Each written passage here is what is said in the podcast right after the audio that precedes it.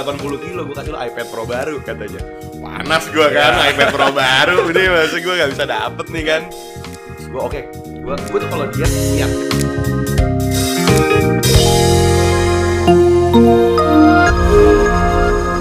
Hai, welcome back to Ngobis, ngobrol bisnis by teman Sarap. Gak di notif ya, ini gak di notif ya, di Ngobis ya Seperti biasa, Ngobis nih kita selalu mengundang CEO, owner, founder dari beberapa bisnis yang sukses lah ya Waduh, belum. Belum Yang growing lah, yang Amin, growing ya, amin. amin, sukses Berbagai macam yang udah kita undang Dan kali ini kebetulan narasumbernya temen gue waktu kuliah Boleh perkenalkan diri gak bro? Halo, gue Lufian, uh, founder dari Healthy Go. Healthy Go. Oke. Lo lo sekarang nih jabatannya apa sih kalau di tempat lo nih lo sebutannya apa nih? Bos utama atau bos besar atau Jabatannya ya. Chief of Chief Chef? Officer Everything kali. Ya. besar. Dari dulu ya? CEO. Dari Iya, pertama dari kali dulu. ya. Gue gue masih inget loh pertama kali lo buka lo masih masih ngurusin sendiri, Masih, lo masih. fotoin meja ada makanan ya. Masak sendiri, Bro. Masak sendiri Ah, juga lo ya. sendiri. Gokil.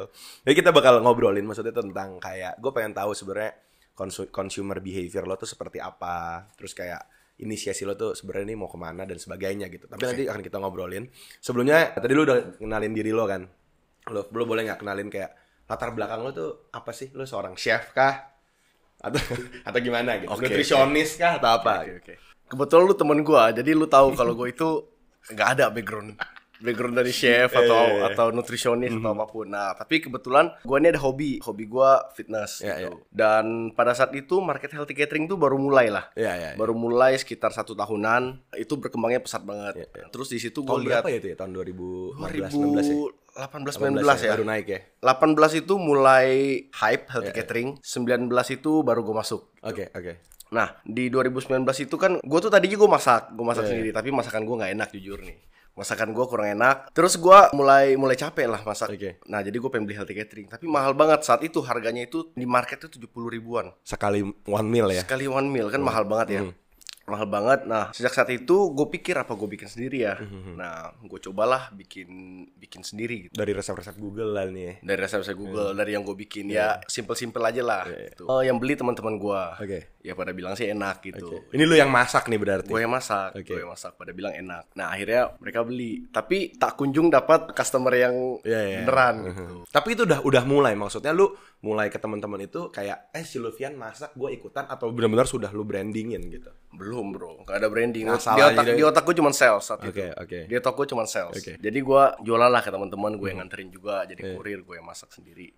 Nah cuman prosesnya kurang lebih tiga bulan ya. Gue mesti bangun pagi. Tapi ya produksi paling cuman 10 ya. Iya. gue bangun jam 4 cuma buat masak 10 10 mil nah gue sempet gue sempet stop lah. Gue sempet stop di situ. Terus Sorry, dua gue potong. Ini berarti lu lagi skripsi hitungannya ya? lagi skripsi Lagi mau lagi skripsi yang kita lagi kayak ya gabut-gabut. Enggak gitu ya? persiapan sidang kali ya. Eh, iya, persiapan sidang. Oke, oke, terus terus lanjut. nah saat itu gue sempet tutup dua bulan. Oh iya. dua Nggak bulan. gua. nah gue sempet tutup dua bulan. Terus gue baru mulai lagi lah. Dua tutup dua bulan ini karena apa? Karena ada aduh kok gue gini-gini aja atau karena kayaknya gue sadar masakan gue nggak enak Eh, karena kayak gue sadar masakan gue nggak enak Tapi lu mulai lagi kenapa tuh? Kayaknya bisa enak nih gitu. nah setelah gue analisa kan gue dapat lah itu ini kenapa nggak bisa nggak bisa sustain gitu karena karena emang produknya kurang oke gitu Oke, oke, oke. Jadi gua mencoba untuk hiring lah. Gue mencoba untuk hiring orang yang punya background masak, orang yang punya background masak. Nah, sejak saat itu produknya udah mulai oke. gitu. Oke. Produknya mulai oke. Jadi gua kasih knowledge tentang healthy-nya. Nah, dari dari sisi orang ini bantu dari sisi teknis masaknya. Oke, oke. Berarti sebelumnya lu berarti tadi lu bilang lu berangkat dari problem waktu lu nge-gym. Ya gym kan kalau lagi fitness banget orang benar-benar ngatur makan nih. Waktu kita nge-gym bareng itu kan gua juga sempet Benar, benar. Ya kan cutting waktu itu gue kan. Tapi cuttingnya di sini gue. Bukan cutting lemak. Cutting. Jadi kayak biasanya anak-anak gym kayak gitu yang kayak makan harus meal prep, ribet, apa segala macem gitu. Terus kalau kayak masak yang biasa-biasa aja kan dada ayam lagi, dada ayam lagi misalnya gitu. Udah gak bisa diapa-apain tuh cuma direbus apa cuma dipen doang gitu. Lo ngerasa, duh gue capek juga nih ya harus meal prep sendiri. Akhirnya lo beli tapi mahal. Itu problem utamanya lah ya. Ya karena mahal menurut gua. Karena sangat mahal dan dan seharusnya tidak semahal itu. Karena kan sehat ini kan kayaknya untuk untuk semua orang gitu Ya, bisa. ya, ya, ya, ya. Tapi lu akhirnya sempet stop dan akhirnya lu mencari tahu lah kayak ini apa ya yang membuat gua tidak bisa eh, apa ya mungkin dibilangnya develop cepet ya gitu. Nah, dulu akhirnya ketemu, oke gue harus hiring nih kayak gue mungkin gak bisa masaknya tapi gue bisa controllingnya gitu. Nah banyak orang yang maksudnya setelah di posisi itu gue sering kayak dapat feedback dari teman-teman ketika dia nyoba. Ini ya sama lah ya waktu kita gue kuliah juga gue nyoba. Gue juga pernah buka restoran tuh waktu itu kan. Terus kayak abis gagal, ya gagal dalam tanda kutip ya. Gagal bukan berarti lu bangkrut sampai nol, tapi kayak kok gini-gini aja, gua nggak bisa mulai lagi gitu. Lah kayaknya bukan jalan gua gitu. Tapi apa sih waktu itu yang memutuskan lo untuk kayak setelah dua bulan tutup itu kayak gue mau coba lagi. Sebenarnya gini sih, gue tuh masih penasaran gitu sama ini karena menurut gue eh, bisa jalan dan waktu 2019 tuh pemainnya belum Belum banyak. industrinya belum matang pertama. oke. Menurut gue juga healthy catering yang ada pada saat itu juga pada nggak nggak semateng sekarang gitu. Iya, iya. Banyakan tuh juga pemainnya tuh yang udah rame pun belum semateng sekarang gitu. Iya, Jadi menurut gue masih ada masih ada potensi lah gue mulai itu nggak akan telat. Meskipun mereka sudah mulai duluan. Oke. Nah, yang membuat gua bisa mulai lagi juga, kan gua nggak ada duit Ya, ya, ya. kondisinya pada saat itu. Gua nggak ada uang kondisi pada saat itu. Kebetulan ada teman gua restorannya bangkrut gitu. Oke oke. Nah, dia nawarin lah mau nggak buka healthy go lagi. Iya, iya. Pakai pakai kitchennya gua ini. Oke, nah, jadi gua- tapi gua gua bilang gua bayar sewa bulanan. Iya iya iya. Nah, jadi nah dari situlah akhirnya akhirnya healthy go mulai lagi. Tapi juga dengan pertimbangan ya gua ada gua udah tahu nih kesalahan gua di awal apa nih. Oke. Nah, gua analisa dulu selama dua bulan itu pas gua tutup, baru gua setelah itu baru gua bisa buka lagi. Ada opportunity-nya juga lah ya waktu itu Ada yang mendorong lu opportunity-nya. kayak ya udah buka, buka lagi deh karena temen lu menawarin itu ya. Karena gue suka sebenarnya. Iya, jadi gua biasanya teman-teman mm, gue juga gitu tuh. Jadi gua suka. ya. gue suka jadi gua merasa kayaknya tuh ini, ini, ini masih bisa gitu. Kayak lu lu kepikiran terus gitu ini masih bisa gitu. Tadi lu sempat mention kayak di titik sebenarnya lu masuk lu tadi bilang gua agak telat setahun lah gitu. Sudah ada pemainnya tapi industri belum matang gitu. Nah, dan lu lihat sebenarnya ini marketnya ke depan akan jauh lebih besar lagi dan pemain-pemain juga masih banyak room for improvement lah. Pemain-pemain yang sudah dulu juga belum matang tadi lu sebut gitu. Sebenarnya sekarang tuh beda atau sama sih sama yang terjadi. Bedanya tuh apa gitu? Kalau yang sekarang nih per hari ini sama dulu waktu lu memutuskan untuk mulai. Oke. Sebenarnya sih lebih ke tujuan dari customernya sendiri ya. Mhm. Kayak yang gua analisa kalau 2 3 tahun 3 tahun lalu orang itu beli healthy catering untuk apa? Untuk diet gitu. Oke. Pokoknya pokoknya gue beli healthy catering nih, Gua mau diet ya. gua harus turun gitu. Mhm. Kalau kalau nggak turun healthy cateringnya berarti jelek. Oke, oke. Gitu. Di di otak customer tuh kebanyakan seperti itu. Oke. Nah, tapi kalau sekarang itu berbeda udah. Jadi tuh orang beli healthy catering itu tuh emang dia pengen makan sehat dan dia pengen jadi apa ya? Jadi satu rutinitas dia nggak mau ribet. Nah, karena kan sebenarnya kalau kayak lu order online segala macam lu mesti nyari dulu Iya, iya. makanan yang muter-muter muter-muter itu lagi restonya. Iya, iya. Jadi wasting time banget lah. Nah, banyak customer itu yang beralih ke healthy catering karena nggak mau ribet. Udah udah jelas, oh gue makan nih nutrisi terjaga. Oke. Terus makanannya beda-beda tiap hari, gua nggak bosen. Terus gua tinggal duduk, nanti dikabarin kurir, gue tinggal ambil.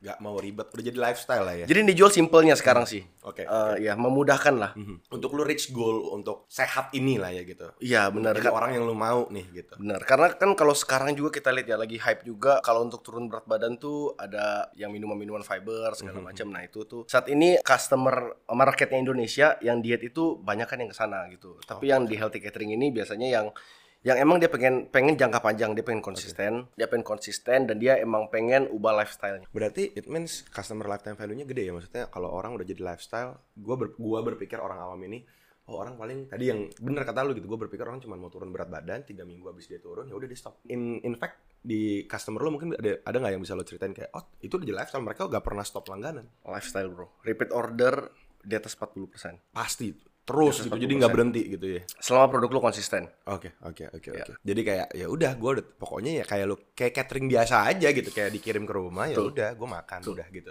Bahkan ada customer gue yang udah hampir tiga tahun nggak pernah berhenti, nggak pernah stop. Gak bosan tuh dia. ya? Nggak bosan. Dan itu lumayan Karena banyak. Ada kali 10 10 orang sama sekali nggak pernah stop. Gila. Sama sekali nggak pernah Setahun. stop. Setahun. Gokil. Dua tiga tahun. Tiga tahun. Tiga tahun. Gila. Gue baru baru tahu gue. Hmm. Gokil. Tapi ya memang karena itu varian yang lo tawarkan juga kan ya. Maksudnya berulang bukan kayak oh minggu ini minggu depan itu lagi gitu. Jadi sebenarnya gue juga makan health, Ya, ya. healthy go ini gue juga makan gitu kan. Jadi ketika gua makan, gue udah merasa bosan. Ah, ini udah mulai Harus ganti warning nih, warning nih. Udah udah udah udah mulai warning untuk untuk untuk timnya juga gue bakal brief lagi. Ini kita harus ngelakuin perubahan perubahan. Ya, lagi. ya, gitu. ya. Lo bayar nggak kalau makan? Eh, sebenarnya gak usah dijawab, gak usah dijawab. Oke oke. Nah tadi kan kita sempat ngomong di awal, lo bilang kayak orang kok punya stigma lah ya. Buat orang-orang yang udah ngerti, yang udah jadi lifestyle ya udah gitu. Gue pakai catering ini. Tapi banyak orang yang punya stigma kayak makanan sehat ini tuh rasanya nggak enak, kurang berasa misalnya ya. Terus kayak ada yang suka bilang juga kayak variasinya dikit, terus mahal. Terus gimana nih cara Healthy Go bisa mengedukasi lah kayak sebenarnya kita nggak kayak gitu gitu. Sebenarnya kalau ya stigma makanan sehat itu nggak enak, Hmm. Iya. itu sebenarnya stigma tiga tahun lalu. Oke. Tapi kalau sekarang ini justru orang itu uh, udah banyak nih makanan makanan sehat, ya. mau di Grab Food, GoFood, Ya, Healthy Catering atau sebagainya, itu udah enak-enak semuanya. Ya ya ya. Nah, jadi kalau misalnya untuk sekarang ini itu itu masyarakat udah udah teredukasi Udah lah aware, makanan sehat itu sebenarnya juga bisa enak gitu. Oke. Nah, tapi kalau untuk harga mahal, Mhm. sebenarnya enggak juga, Bro. Kalau Ya, lu compare tuh Makan ya. GrabFood, GoFood atau makan di restoran Mhm. itu enggak juga gitu. Kita kan rata-rata 50-an ribu ya. Lu kalau bayar ong bayar ongkir segala macam lagi belanja di GrabFood kan tetap segituan juga kurang lebih. Bener bener bener. Kecuali memang maksudnya ada yang memang bukan target market yang misalnya ada aja yang Nah. oh lu gue makan lima belas ribu ya. Nah, memang itu- itu memang beda, target emang beda market, target gitu. market. Tapi kalau memang yang maksudnya memang lu masuk target market, ya misalnya kita ambil contoh tadi gue setuju sih maksudnya gue makan di GrabFood, GoFood atau beberapa lah yang kita beli gitu makanannya bukan wartegan ya maksudnya Hmm. makanan juga nyampe tempat lu tuh udah 40 lebih juga gitu. Bener. Makanya 40 lebih juga kan. 40 lebih juga 50 lebih. Dan itu Bisa biasanya 50 cuman juga, kayak karbo sama protein aja. ya ya bener bener Sedangkan healthy catering ini kan ada sayurnya, Mhm. ada eh, dessertnya, ya ya ya ya ada karbonya, ada proteinnya juga banyak. Iya iya Iya benar, kan? benar. Tapi ya balik lagi tadi ya kita ngomongin target market mungkin ada yang selera oh gue sukanya yang tunjang kikil ya udah jangan ngomong deh. Iya. Itu, itu itu balik lagi ke target market. Iya kita nggak bisa nyamain gitu maksudnya bisa kan. samain. Oke oke. Dengan tantangan pricing ini ketika lo masuk pertama lo ngelihat masih ada problem oh mahal. Lo mau masuk makanan sehat makanan sehat gua harus menyediakan makanan sehat yang enak dan juga bisa terjangkau. Itu tantangan berat nggak buat lo di awal? Tantangan berat bro. Jadi, Kenapa tuh? Jadi gini, jadi gini. Gue tuh nggak ngerti sama sekali tentang meskipun gue sekolah bisnis Iya, ya, iya, tapi gue nggak ngerti tentang awalnya tuh gue nggak ngerti tentang branding, kebutuhan akan branding, Iya, iya, iya. segala macem lah. Gue aja gambar logo di awal pakai Canva, gue gambar sendiri gitu kan. ya. Oke. Terus gue ini jual harga tiga puluh lima ribu, bay healthy catering tiga puluh lima ribu. Waktu pertama. Waktu pertama nggak bisa untung. Iyalah pasti. bisa untung. Gitu-gitu aja, gali lubang tuh lubang, Iya, gali iya. lubang tuh lubang. Iya. Nah, sampai pada 2021 gitu, gue mulai naik. Hmm, Emang sih banyak customer yang jadinya pergi gitu. Iya iya iya. Tapi eh, pas gue naikin harga, gue juga naikin quality sih. Dan gue perkuat lagi brandingnya, customer service-nya gue perbaiki segala macem. Jadi eh, sampai customer merasa worth lah. Jadi sebelum kenaikan harga, sebelum kenaikan harga itu, gue buat customer misalnya satu bulan sebelumnya, sebelum sebelum gue naikin harga, gue buat customer tuh merasa, oh gila healthy gue worth it banget. Iya iya. Misalnya dari yang dari yang tadinya biasa aja makanannya, gue upgrade banget lah. Gue biaya tinggi nggak masalah. Yang penting kebentuk dulu nih. Ini healthy gue nih terlalu murah untuk harga segini. Iya iya iya. iya. Nah, itu yang gue Strategi lu waktu itu ya. strategi gue waktu itu untuk naikin harga.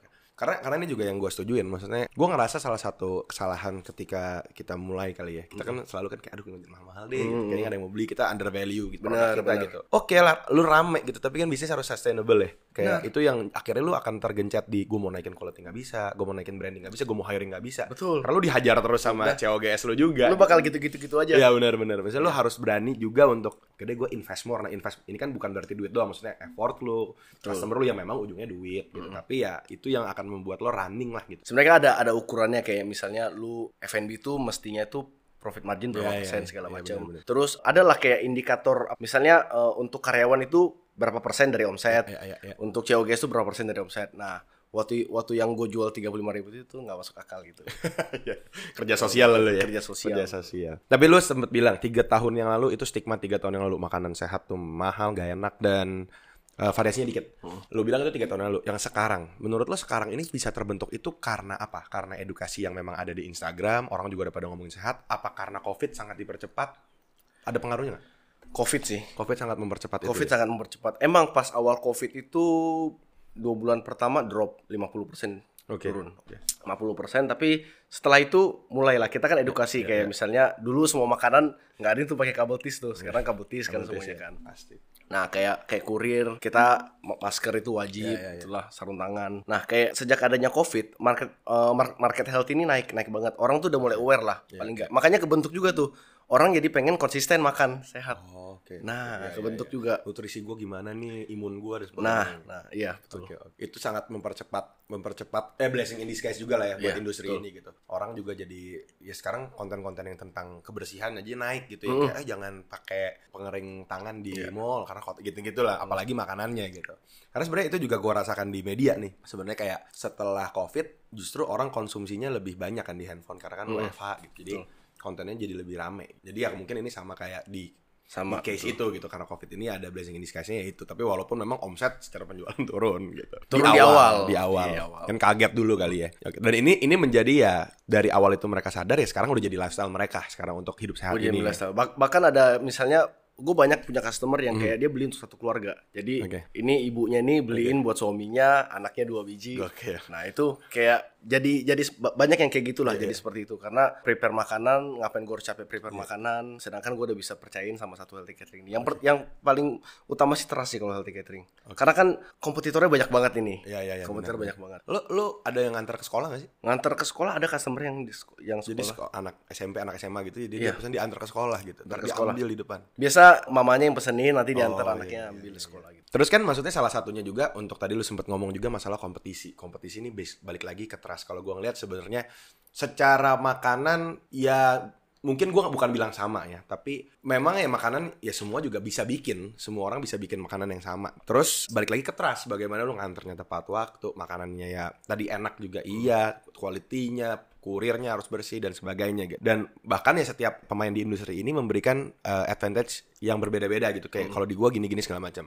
Dan dari tagline lu kan lu bilang money back guarantee nih kalau makanannya nggak enak. Ini yang gue penasaran sih. Tapi kalau misalnya taste bud orang beda-beda, terus dia bilang nggak enak gitu. Pernah lu alamin nggak? Atau misalnya kayak berat badan tidak turun gitu, dia komplain gitu. Itu pernah terjadi gak? Kalau berat badan nggak turun kita refund, Mhm. itu sebenarnya kita ada ada SOP-nya. Jadi misalnya customer itu dia harus beli paket satu bulan. Oke. Dia harus beli paket satu bulan. Karena kan namanya kita ngomongin dari makanan ya, Mhm. diet itu ya lu butuh konsistensi. Iya, iya, betul. Metabolisme orang juga beda-beda. Mhm, Bisa aja orang yang emang emang punya berat badan sangat berlebih, mungkin seminggu seminggu pertama mungkin bisa turun 2 3 kilo. Bisa, tapi kalau orang yang ada ada juga yang udah ideal segala macam. Ya, ya, susah. Ya, udah Nah ideal. itu kan butuh butuh apa butuh waktu lebih panjang kalau dia emang pengen turunin lagi. Mereka tuh harus nge-record lah, nge-record Oke. tiap harinya proses mereka gimana. Makanannya apa gitu. Kalau orang yang udah kayak begitu, kita juga sangat seneng bantunya gitu. gitu. Kita juga sangat seneng bantu mereka turun berat badan. Jadi kan karena kita bisa dapat insight lebih juga pertama. Ya, ya, ya. Kita bisa dapat insight lebih, kita bisa lebih ngertiin lah. Ini customer tipe begini nih sebenarnya cocoknya tuh kayak begini gitu. Ya, ya, ya. Nah, kalau misalnya makan nggak enak, kita ada bayar beberapa reviewer makanan, reviewer makanan. Jadi yang tiap hari dikirimin Healthy Go gratis. Oke, oke. Nah, di situ dia harus kasih masukan apa apa apa apa. Oh, gitu. Oke, oke. Bahkan di kitchen sebelum makanan ini keluar juga, ini tuh ada ada testernya juga. Nah, di setiap kota gue punya. Oke, Tuh, jadi untuk memastikan quality makanan rasanya itu sesuai dengan Oke. standarnya Healthy Go gitu. Oke, itu itulah yang dibentuk lah ya untuk Yang untuk tetap janji dari Healthy Go ya memberikan itu ya kita tetap menunjukin kita memang melakukan itu Hmm, gitu. betul. Oke. Kalau tadi balik lagi ke pertanyaan sebelumnya yang kita ngomongin masalah kayak dulu dan sekarang behavior orang.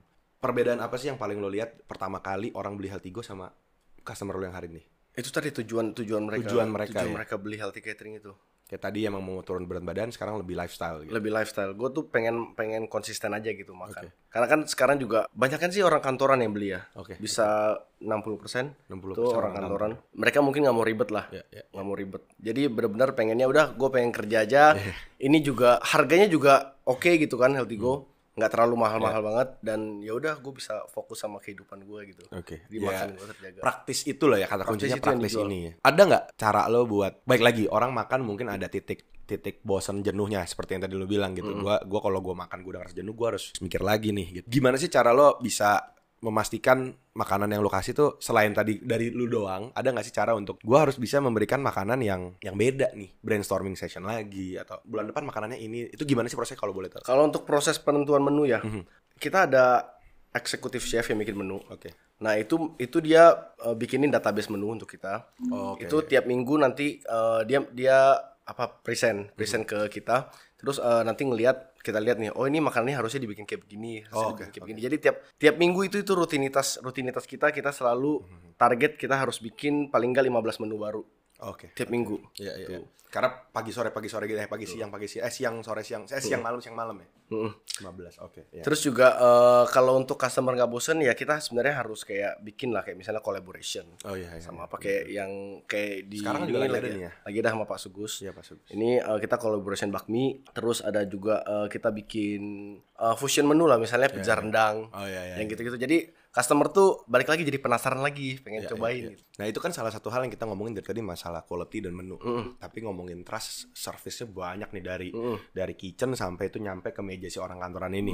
Dan salah satu hal yang paling kalau gua personally gue paling benci adalah masalah delivery. Kayak gue orang yang paling males tuh gini. Ini as simple as gini. Gue mau makan siang nih terus gue nyari kan di platform gitu. Nyari terus nyarinya aja udah males. Hmm. Ngeklik abis beli tuh abis gua taruh ini kan gue kerja lagi ya. Iya. Gue tuh paling males yang kayak Bang, rukonya di mana, Bang? Bang, nanti aduh gitu. Nah, aduh, gue tuh paling udah Nah, itu, ya, lu- betul. bukannya gue nggak kasihan sama mereka, gue juga maksudnya kita lagi meeting gitu kan, maksudnya ya ya udah lu tanya lah gitu Iya. maksud gue ini yang gue paling ribet udah nyampe pun ngebel atau nelpon gitu nah ini kan berarti kan serving community makanan ini kan juga ada deliverynya gitu time apalagi kalau catering time sensitive dari lu gimana tuh menyias- menyiasati itu Nah, sebenarnya banyak orang nih yang nggak tahu nih. Oke. Healthy catering itu sebenarnya ada bisnis lain di dalamnya. itu bisnis pengiriman Iya, iya, iya. Nah, sebenarnya kalau kayak pengiriman ini, tadinya gue struggle banget di sini. Iya, iya. Gue struggle banget. Karena lu harus pikirin, kita kan central kitchen cuma satu, satu Iya, kota. iya. Pengiriman pengiriman jauh, makanan juga harus tetap rapi. Tetap kayak begitu, keluar dari kitchen tetap, tetap harus sampai customer begitu juga. Iya, iya, iya. Nah, itu di awal gua struggle makanan berantakan, pengiriman telat. ya ya ya pasti pasti Nah, cuman sekarang bersyukur kita udah punya tim yang bagus, Oke. udah punya manajemen kurir sendiri. Itu emang emang tim kita juga. Di situ kita kayak ada kurir inti, kurir cadangan, kurir reserve, Ya, ya, ya, kayak pemain bola gitu. Ada U17 juga masih dilatih ada ada routingnya Hamin satu, iya, iya. Hamin satu kita ada ada routing gede lah gitu lah. Terus kita juga udah punya big data mengenai kayak oh ini tuh ini kemampuan kurir itu nganter segini segini. Iya, iya. Nah ini area sini segini segini. Iya, iya. Terus area sini ini banyak jalan tikusnya, jalannya jelek Iya, itu mempengaruhi. Terus sebenarnya nah itu healthy catering tadi sebenarnya kayak kalau lu baru pertama kali beli healthy catering, Hmm. paling yang ditanya pertama kali itu cuma hari Senin aja. Alamatnya di mana? ya ya, ya benar Nah, tapi Selasa sampai Jumatnya udah gak akan ditanya lagi udah nggak ditanya lagi. Nah itu mempermudah customer juga karena itu Nganter dia juga kan karena nganter dia juga Iya, gitu. iya. Kurirnya itu itu aja Iya. gitu. Paling kalau ada berubah pun kurir yang itu udah ngasih tahu ke orang selanjutnya orang selanjutnya. bahkan naruh makanannya di depan pintu atau di depan eh, dia udah tahu dia udah ya. tahu Ya, gitu. ya, dia, dia dia udah hafal lah. Kita sih handle sendiri semua karena kita juga udah pernah coba kita pakai third party tapi nggak bisa. Gue gue gue sangat relate karena waktu awal awal sarap tuh gue sempat ngebantuin teman gue ngelakuin bisnis semacam itulah gitu. Jadi salah satu servisnya juga memang ngirim gitu. Tapi ngirim tuh buat yang misalnya kayak kalau lu catering baru lah ya ini ngomong baru ngirim 10 20 kan lu nggak mungkin punya tim gitu jadi kita paketin gitu. Jadi sekali ngirim tuh berapa gitu. Itu setengah mati sih. Setengah mati. gue bingung cuman kayak tiga alamat gitu ya. Maksudnya ini kan tadi yang lu cerita struggle pertama lu lu bayangin kalau titik tuh ada di Tomang tapi ada juga di Puri. Ya kan kita belum punya armadanya banyak kan. Jadi kayak gue estimasi lah ya dari Google Map gitu dulu. Noba itu bisa kirim jam 11 baru kelar di titik terakhir jam 7 malam dan itu belum nyampe. Jam 7 malam di telepon bisa bilang gini bannya bocor pak ya Nah, itu saya sulit. paket saya bawa pulang dulu besok baru saya kirim woi jangan itu punya orang gitu loh maksudnya yang kayak ini bener-bener pertama-tama gitu loh yang iya terus tumpah aduh gua Nah itu. itu itu gue bikin Pra- problem itu sampai sekarang juga masih ada. Cuma kita bisa Ya, tackle bisa, lah. bisa handle ya Kita bisa handle dengan selama jam pengiriman kita tuh punya namanya kurir satelit. Kurir satelit ini dia muter. oke Dia muter, dia bakal nge-backup ketika kurir ada masalah di jalan masalah di jalan. Karena ban bocor, terus motor mogok, Iya, iya. itu satu itu hal yang tidak bisa dihindari tidak nggak bisa sih, kan? dihindari, tidak bisa Iya, iya, dihindari. iya, iya. Gitu. itu itu yang gua rasakan dan sorry sekali lagi sorry nih ya tapi kayak eh, ada tantangan sendiri lah ketika kita training kurir Benar. gitu gitu kan Bener, lu lu bukan kerja, bukan kerja sama orang kantor gitu. nah ini ya lu pasti ngelewatin lah gitu Cara ya. nge-treatnya beda. cara emang. treatnya beda. rewardnya punishmentnya tuh nggak bisa kayak kita ngomong sama tim lo gitu loh Nah kita buat emang sih kita ada buat eh, kayak reward Iya, misalnya mereka mereka berhasil sampai jam 11.30 pengiriman pengiriman kelar itu Hmm. Ada ada bonus tambahan. iya, iya, iya. Nah terus kalau ada punishment juga kalau telat ada ada punishment apa. Iya, iya, iya. Nah jadi mereka juga semangat gitu loh. Iya, iya, Bahkan iya. sampai kayak ngejar kitchen tuh harus cepet gitu. ayo dong ayo dong mau kirim Ayo dong, gitu nah, Ya, ya, gitu. ya. Gua gua lumayan agak trauma sih working with these blue colors gitu Hmm. menurut gua Buk- buk- bukan trauma sih tapi kayak kayaknya bukan gua deh orangnya gitu yang harus in touch sama mereka karena yang tadi gua bilang gitu misalnya besok udah tahu nih mau ngirim dia yang ngirim gitu Bisa hari H nggak ada. aduh iya benar Iya, itu. yang kayak ya nganterin ibu eh, ke pasar ini sakit Iya. woi bos gitu gitu lu nggak bisa seenak itu bisa, gitu loh iya. maksud gua terus kayak aduh gitu deh gua direkam takut tuh. Tapi gue yang kayak kayaknya bukan gue orangnya yang buat bisa. Gue nongkrong nongkrong seru-serunya mungkin gue bisa. Tapi kalau udah kerja terus lo kayak gini tuh kayak "Eh, ini butuh orang deh. Ini kayaknya butuh orang emang tim tim lapangan yang bisa nge-guide mereka Iya. dan bikin SOP-nya reward punishment juga Iya. nggak segampang lo bikin buat anak kantor gitu kan. Kita juga ada satu kurir kita yang kita angkat jadi Iya, kepala jadi- kurir dan sekarang jadi head di manajemen perkuriran ini, perkuriran, del- kan? delivery ini. Karena dia pernah jadi kurir dan dia mendengarkan suara hati anak-anak ini juga gitu. Dan ya. dia juga mengerti maunya manajemen. ah itu yang susah, Nah, itu yang susah. Kebetulan ini ini orang bagus banget sih. gitu. lu dia gabungin lah ya antara keinginan manajemen, Iya. dia keinginan kurir seperti apa. Dia gitu. bisa komunikasiin manajemen ke kurir. Ya ya benar Dia benar. bisa atur timnya, timnya yang lain respect semua sama dia. Ya ya itu yang Gitu, itu penting yang juga. Karena kalau nggak pasti ada gap tuh antara manajemen kayak yang gue bilang waktu yang gue jalanin itu rate-nya per kilometer kurang gitu. Nah, Gua gua, Iya. gua buka data gue bilang lu bandingin sama platform Gojek gue bilang nih ini sama Gojek lu mau lebih mahal dari Gojek gue Hmm. Iya, bilang iya. siapa yang mau pakai layanan kita itu kan hal kecil kan maksudnya ketika kita ngomong kayak gitu jadi nggak ngerti pokoknya Hmm. mau pokoknya gue maunya lebih gue maunya lebih gitu. ada ini tapi nggak semua ya maksudnya di di kejadian gue seperti itu gitu tapi harus ada orang yang memang nyampein gitu loh Betul. itu yang susah menurut gue apalagi BBM naik bro sekarang bro. Wah, itu juga, itu juga, itu juga naik tuh BBM Gimana tuh. tuh bro? Dikomplain pasti. Pasti mereka ada Pasti. permintaan lah dan Pasti, kita pasti. juga dan kita juga berpikir ya itu masuk akal. Kita kan cuman cari nih jalan tengahnya harus kayak gimana Oke. gitu. Ya manajemen juga harus putar cara lah ya. Benar. Maksudnya nggak bisa ngebebanin ke semua dia, tapi nggak bisa bebanin ke konsumen juga. Ya, bagaimana ya sistem yang lebih baik buat bisa tetap. Kita nggak bisa ketika ini ada problem kayak BBM naik gini, Ya, ya. kita nggak bisa kayak enggak rate kita tetap segini. Nggak Ya, bisa. ya nggak bisa. Lo harus, ya kita harus cari cara lah ya gitu, to keep the business model going well. Kan mereka nyari duit ya kan. Iya, bener, mereka sama. nyari duit, mereka harus ya sejahtera juga lah ya Sejahtera juga, kasarannya. Berarti untuk masalah delivering ini semua dari tim lo, lo tidak ada third party berarti. dulu sempat pakai tapi Oh, sekarang enggak ya. Kalau dalam satu company lo ada pakai third party gak? dalam satu company nggak ada. Nggak ada ya. Semua Semua, lo in house ya. Paling yang vendor mungkin ya. Vendor ya buat misalnya packaging apa Oh, mungkin. packaging ya, sendiri packaging ya. Pasti ya. Hmm. Paling eh, mungkin yang third party ini ya, rekanan ya. Kita punya karena kan kita fokus masak makanan. Ya, ya. Mungkin kayak produksi roti, kita udah Oh, punya iya, iya, kita iya. udah punya rekanan partner kita yang udah tahu maunya healthy good itu seperti apa. Ya roti yang gimana Ya, gitu ya. gitu. Oke oke. Dan berarti menurut lo kayak sekarang ini kan lo dari Jakarta pertama kali ya. Tangerang Jakarta ya. Awalnya Tangerang. Oh Tangerang dulu Awalnya baru Tangerang, Jakarta. betul. Sekarang udah ada di be- di berapa kota? Jabodetabek, Surabaya, Bandung. Berarti Surabaya Bandung. Nah, On the way Medan. Gokil, gokil Medan ya. Nah itu untuk research itu apa sih yang lo lakukan? Untuk kayak gue mau masuk pasar Medan, itu apa sih yang lo lakukan buat penetrate pasar itu? Sebenarnya gue punya trik sendiri bro untuk itu. Oke, Nah. bisa, bisa di-share gak nih? Boleh gak nih? Boleh, boleh, boleh, boleh. boleh. Jadi untuk gue tahu satu kota ini marketnya udah udah bagus gitu. Mhm. Gue dari mana? Sebelum dua bulan sampai satu bulan sebelum gue Launching ya. launching di situ, gue tuh hiring kan pasti kan. Mhm. Hiring kurir, hiring chef, tim kitchen lah. Pasti kan banyak tuh yang bekasan dari catering catering, healthy iya. healthy catering. Nah pasti kita tanya dong, ini produksi brand ini berapa? Ya, ya, ya. produksi brand ini berapa? Nah, ketika menurut kita di angka yang ini nih leadernya di sini nih ini Hmm. gitu catering ini udah produksinya sebanyak ini. Ya, Oh, berarti marketnya bagus gitu. Ya, ya, ya, good Nah, numbers kita ya. nah good numbers. Kita hitung dari situ sih. Dan lo mau hajar di berapa nih gitu? Mau Nah, kita kan pasti masuk Gap- kita gap. punya target gitu kan. Ya, ya, ya. Kira-kira achievable nggak nih untuk kita Ya, ya. kita penetrate market sini kita bakal achieve. Dan angka itu juga bukan cuma untung doang, tapi setimpal nggak dengan ribetnya, ribetnya Betul. semua bikin baru ini gitu. Sebenarnya kalau untuk di awal sebelum kita memutuskan buka atau enggak, kita pakai kayak gitu. Kita op, op- hiring. Oke, ada hiring dulu ya. Dan ketika ngerjain itu kan secara teknis pasti ada lagi ribet juga. Akhirnya lo memutuskan buka untuk teknis jalan ini juga pasti ada masalah-masalah di dalamnya dong. Pasti. Lo turun tangan sampai situ. Kalau eh, kalau sekarang itu kita udah punya Tim sendiri. tim kepercayaan sih kayak misalnya supervisor tiap area. Nah, cuman gua kan set kita kan kalau kontrol kita kontrol sampai seteknis dia masak kayak kayak gimana itu itu sangat sulit sih. Kalau misalnya misalnya kalau makin besar company-nya. Jadi gue tuh set indikator misalnya. Gue tuh set misalnya ini batas bawah yang mereka bisa main, ini batas atas yang bisa mereka main. Jadi mereka main di abu-abu aja. Oh, Oke, oke. Nah, jadi kita sebagai apa ya? Itu mana- manajemennya manajemennya gue pengennya kayak begitu. Jadi ya nggak so strict itu juga karena ya. Iya, jadi mereka tetap ada area tapi ini abu-abu gitu. Jadi lo ikut dalam ya researchnya sekarang udah ada tim juga dan itu yang paling lo tekankan adalah ya bagaimana forecasting untuk di kota inilah Iya, gitu betul. ya. Tapi di awal pasti kita pasti kita masuk masuk dulu gitu. kita tetap kita tetap lihat dulu. Iya, ya. Controlling lah ya di awal ya. ya. Nggak berani langsung jebret-jebret tahun. Sama tetap harus selalu in touch sih sama mereka. Jadi kayak Iya, tetap harus ngobrol, tetap mungkin harus uh, sebulan sebulan mengunjungi lah paling enggak sekali satu kota gitu. Ini banyak banyak humannya soalnya di, di bisnis model Pasti. seperti. Bisnis model healthy go, uh, healthy catering ini humannya banyak. Humannya banyak banget ya. Dan Banyak human banget. itu kan gak jauh dari kata error kan. Iya, Jadi betul. tantangannya memang secara itu lo bagaimana lo membuat sistemnya tapi ya yang memang mereka juga sejahtera dan sebagainya lah. Kalau kita ngomongin future plan nih. Tadi lo bilang Near Time akan buka di Medan.